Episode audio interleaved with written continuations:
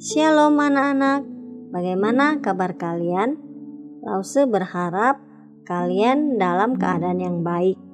Renungan hari ini berjudul Iman dari Ibrani 11 ayat 6. Anak-anak, kalian pasti di rumah punya kursi ya?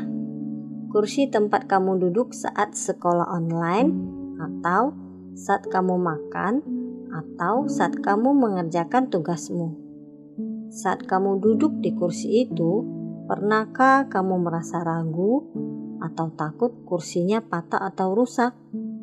Pernahkah kamu berpikir, jangan-jangan pas saya duduk, saya akan jatuh karena kursinya tidak kuat? Sepertinya tidak, ya. Kamu dengan yakin menduduki kursi itu tanpa ragu. Saat kamu duduk, kamu tidak akan berpikir lama-lama. Kamu yakin saat duduk di kursimu itu adalah gambaran dari iman. Yakin percaya kepada Tuhan. Kamu ingat kisah perjanjian lama tentang Nuh yang membangun bahtera atau bayi Musa di dalam keranjang dan Daniel yang selamat dari gua singa? Tahukah kamu kalau orang-orang itu juga disebutkan dalam perjanjian baru. Ibrani pasal ke-11 sering disebut pasal iman. Bagian ini mengingatkan kita pada orang-orang seperti Nuh, Musa, dan Daniel untuk menunjukkan kepada kita apa itu iman dan bagaimana iman menyenangkan Tuhan. Karena iman kepada Tuhan mendorong Nuh untuk taat membangun bahtera yang besar.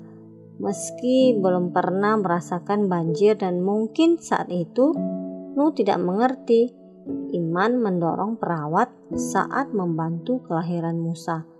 Berani menyembunyikan Musa ketika semua bayi laki-laki orang-orang Israel lainnya dibunuh oleh orang Mesir. Iman menyebabkan Daniel terus berdoa kepada Tuhan.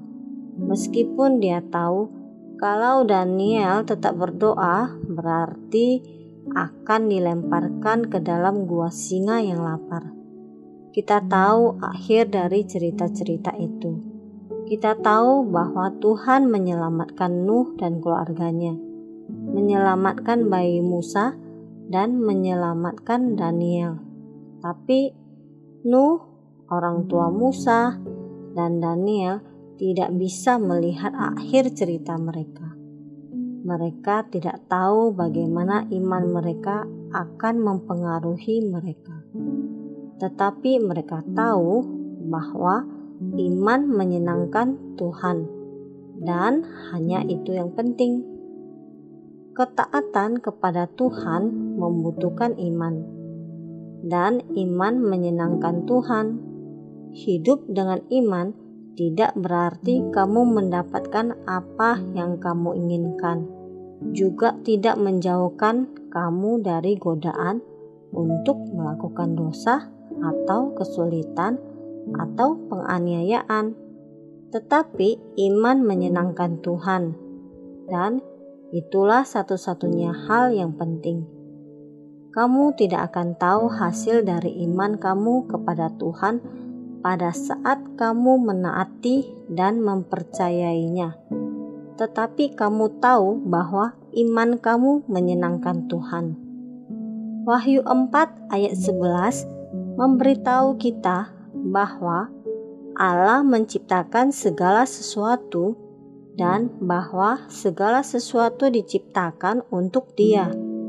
Sebagai pribadi yang diciptakan oleh Tuhan, sudah seharusnya kita menyenangkan Dia.